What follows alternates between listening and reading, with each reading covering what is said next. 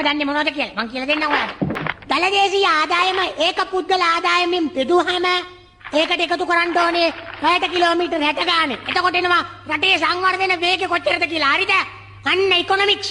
එතකොට මෝඩයකින් අයිබෝවන් අද දෙදස් විසියගේ සැප්තැම්බර් අටනිද රට කරන හැඩි පොඩ්කාස්ට් එකේ හැත්තවනි කොට සත්ත එක එකතුන හැමෝම වෙනදාගේම අදත් ආදන පිළිගන්න ඒවාගේම තමයි පොඩ්කාස්ට් එක හැටනාවැනි කොට සත්ත එක එකතුරු අපිත් එක අදහස් පෙදාගත්ත හැමොටමත් ගොඩක් ස්තුතියි කියලා කියන්න ඕනේ. අද පොඩ්කාස්ට් එකෙන් අපි කතා කරන්න බලාපොරොත්තු වෙන්නේ කෝස්ට of ප්‍රඩක්ටිවිටිය ගැන සහ නාමල් බේබි ගැන.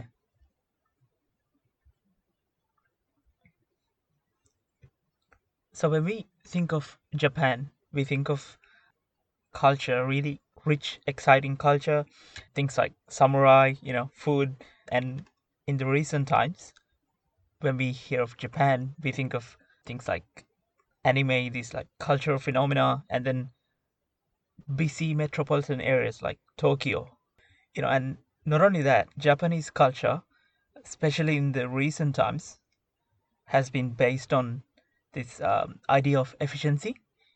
This is this is more um, apparent to us in Lanka, um, where like where we hear things such as five S. So you've got Seiri, uh, Seiton, Seiso, Seiketsu, uh, Shitsuke, right? Um, which means sort, set in order, shine, standardize, and sustain. So this five 5S system was it's sort of taught to us in Lanka as sort of this cornerstone of Japanese efficiency, right?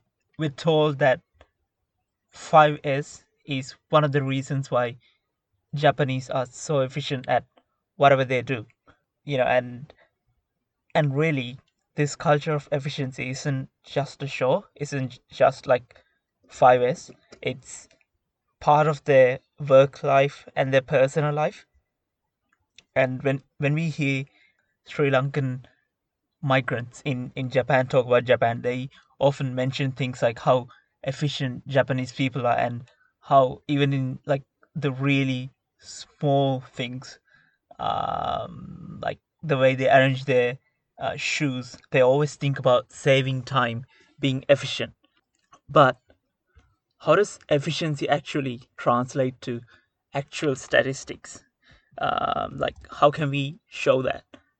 To measure things like efficiency or, or productivity, uh, we need to use some kind of measurement, and often this this is done by so you get the GDP per capita, gross domestic production uh, per person, um, and then you get all the hours worked um, that's part time and full time divided by the number of people so you get uh, which means you get the average number of hours worked by a single person. And when you divide the gdp by the average number of hours by uh, hours worked by a single person you get productivity. Now obviously this method is a bit flawed. Gdp doesn't necessarily always translate to the actual production of a country, but it's one of the only measurements that we have uh, when it comes to measuring how how much a country put out, um, what their products are. Um, regardless, when it comes to productivity, Japan often scores high um, compared to other countries. They're not number one, but on average, um, one hour of Japanese workers' time produce products or services worth 70 pounds, which is roughly like $23. That ranks them towards the top of the list in the world, but not quite top 10. So it's like um, 15, 20, somewhere around there. And one of the main reasons for their efficiency, their productivity, is things like 5S and uh, this culture based around being efficient, being quick. That's why you get a lot of value um, from a single hour's work. And in Lanka, in recent times especially, we see this um, culture of hard work being fetishized. Not a word that's often used with something like hard work, but um, when we look at um, influencers, they often talk about working hard, you know, grind, grind, putting everything else aside and just work 24 hours a day, seven days a week, you know. But at the end of the day, what's the cost of productivity? Uh, because everything comes at a cost, and productivity and efficiency is the same. When we look into this, there's a word in Japan called karoshi, which means work to death. Like we said, Japan puts a lot of emphasis on efficiency. And to get to where they are now, they had to be really competitive in the global market, especially after World War II. And in some sense, this is not wrong because um, after World War II, countries with lots of natural resources, um, like the countries in Middle East or European countries, um, and then countries with colonial histories, like again the European countries, and then uh, America had a distinct advantage over, over other countries. So um, they could really dictate terms on a global scale. But Japan needed to catch, catch up to that. They needed to be really competitive in the market. Um, and the best answer they had was using their labor because it was really hard for them to compete um, with natural resources. And their empire at that point was non existent after, after they lost the war. Then again, their option really was using that labor, trying try and squeeze as many hours out of every single worker as much as possible. Now this idea of working to death comes from labor, uh, which is white and blue collar workers um, being forced to work really long hours, like 60, 50 hours a week. But really, it's it's more coercing than forcing. So you're not forced to do it, but if you don't do it, um, there's a stigma around you. But we'll, we'll we'll get to that later. In Japanese culture, there's a belief that you shouldn't leave work before your boss, and you you have to hang around until they leave. So that means workers really have to work extremely long hours, like 60, 50 hours a week. And if you leave early or if you take a day off, um, there's a stigma that you're not a good worker, that you don't care enough about the company, that you don't value the company or, or the chance that was given to you. And this goes for both blue collar workers and white collar workers. So not just people that work on a desk. It's it's the manufacturing line workers too. And even after they're done, these workers are expected to go hang out and drink, socialize with their colleagues, their bosses. This got so bad that in year 1990, it's estimated that 10,000 deaths occurred because of overwork. That's 10,000 deaths, right? So it's, it's not a not a small number, and and the trend still continues to this day. Uh, but whenever these cases are taken to court, companies argue that if other workers, these dead workers' colleagues, are able to um, maintain those same lifestyles, you know, work 60, 50 hours a week, why can't this dead worker um, do the same? So it must be the it must be the victim's fault. That's been the consistent argument from companies, and any resistance futile, mainly because of the social structure. Um, Japanese culture is really based on um, hierarchy and respecting your seniors, which means companies are able to um, silence any dissent and continue their really disgusting labor practices. It's a well documented trend that's still going on to this day. Um, we'll put a couple of links down in the description. You can check it out if you want. Now, in Japan, it's really common for someone to work 60 to 70 hours a week, um, but the international labor standard is 40 hours. You got 8 hours per day times 5 days a week, which makes up 40 hours. But Japanese workers um, are expected to work almost twice as much. But because of because of karoshi, because of death to overwork, uh, because of death from overwork, the government had to do something about it. um, and the answer was capping um, total number of hours per week to 80. That, that's still two times the maximum hours of legal work in everywhere else around the world. This is not just in Japan. This trend is seen partially in places like South Korea, China, UK, US, and there's been research done by the World Health Organization, um, which show that you know close to a million people die from overwork.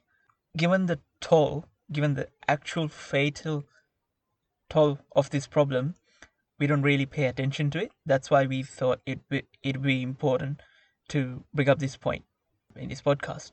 Not only that, recently we've seen Lankans, especially influencers, trying to fetishize hard work culture. You know, not, not just influencers, but successful business people.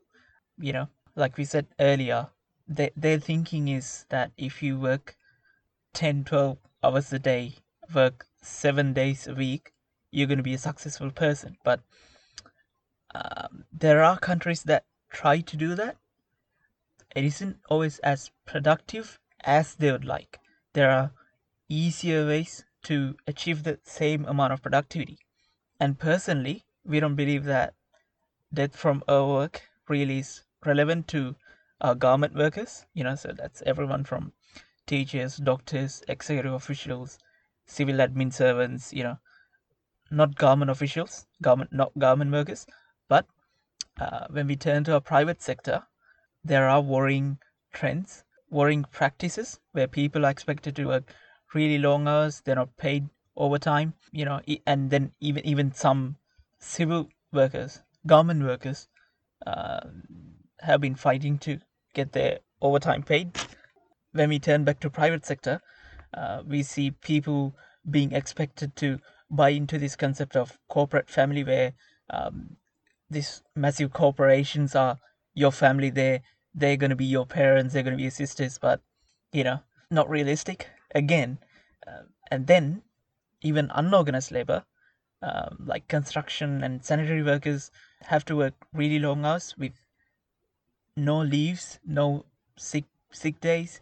And if they do they risk losing their jobs given all this we think it's really dangerous when influencers in Sri Lanka, successful business people in Sri Lanka try to promote this culture of like, I don't sleep, I don't eat, I work 24 hours a day, seven days a week um, culture. It's dangerous. There's a cost to productivity, there's a cost to efficiency. Yeah, so something to think about.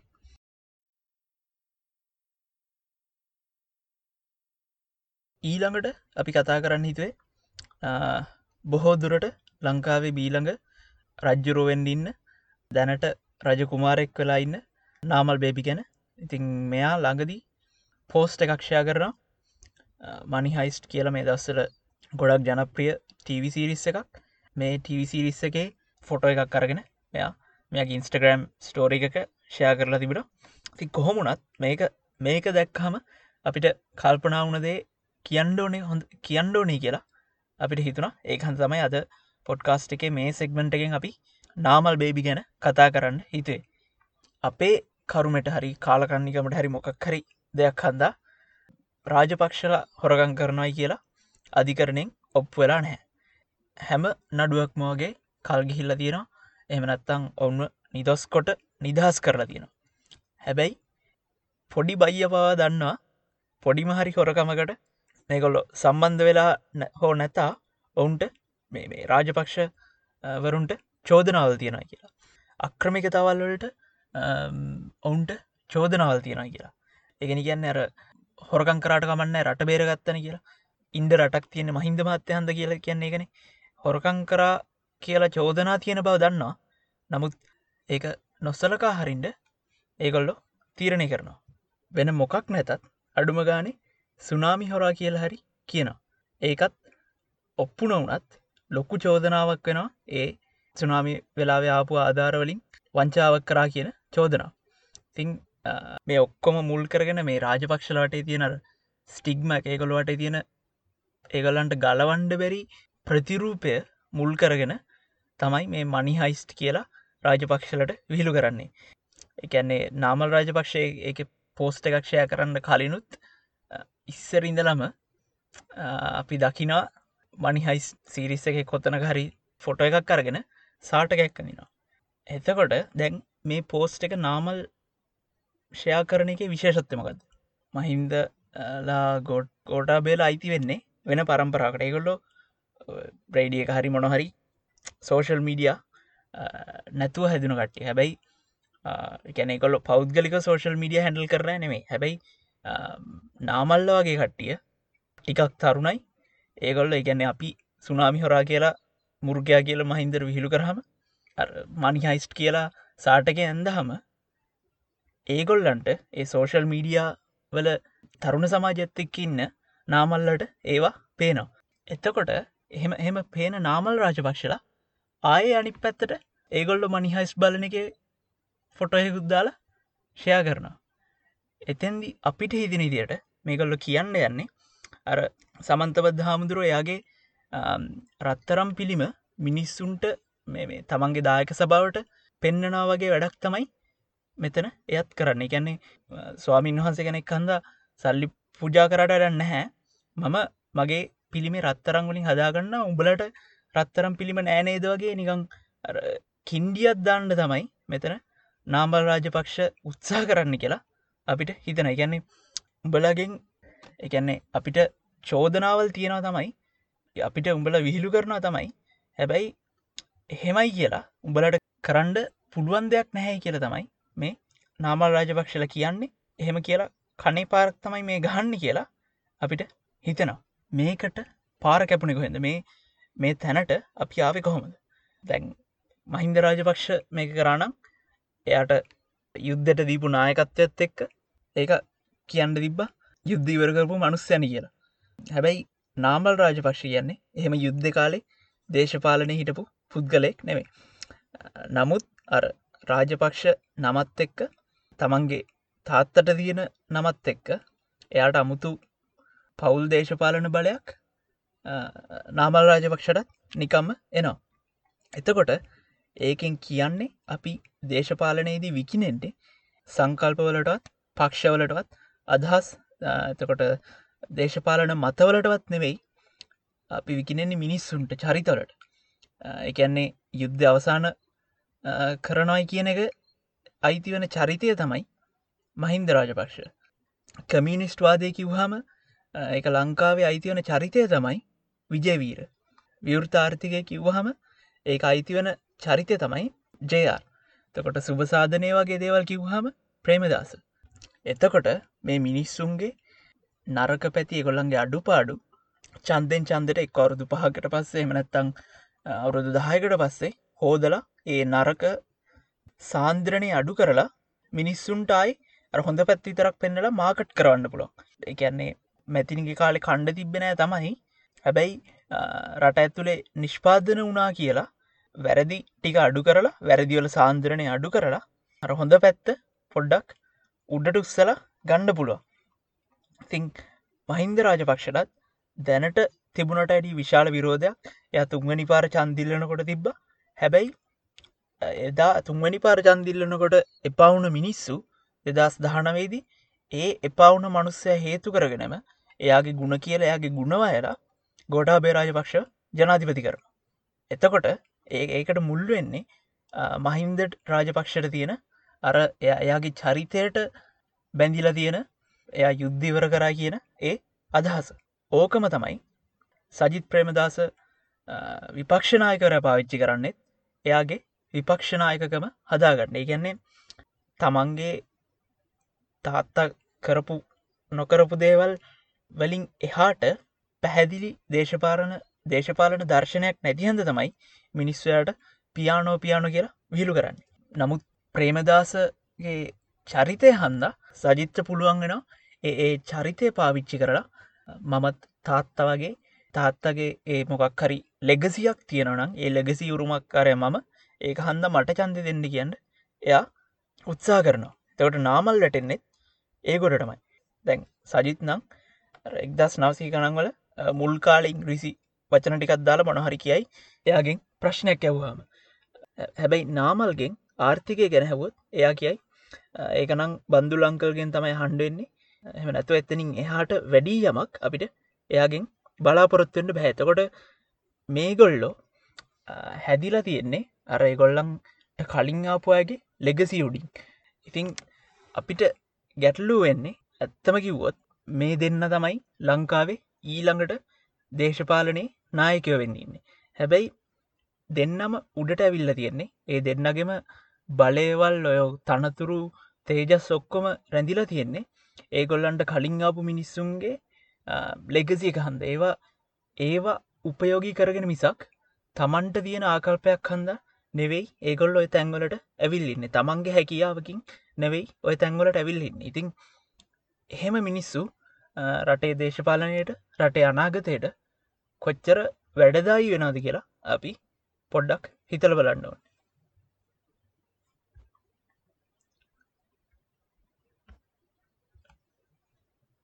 ඉතින් ඒකත් එක්ක අදට අපි අප podcast එකේ හැත්වනි කොට සවසන් කරනවා.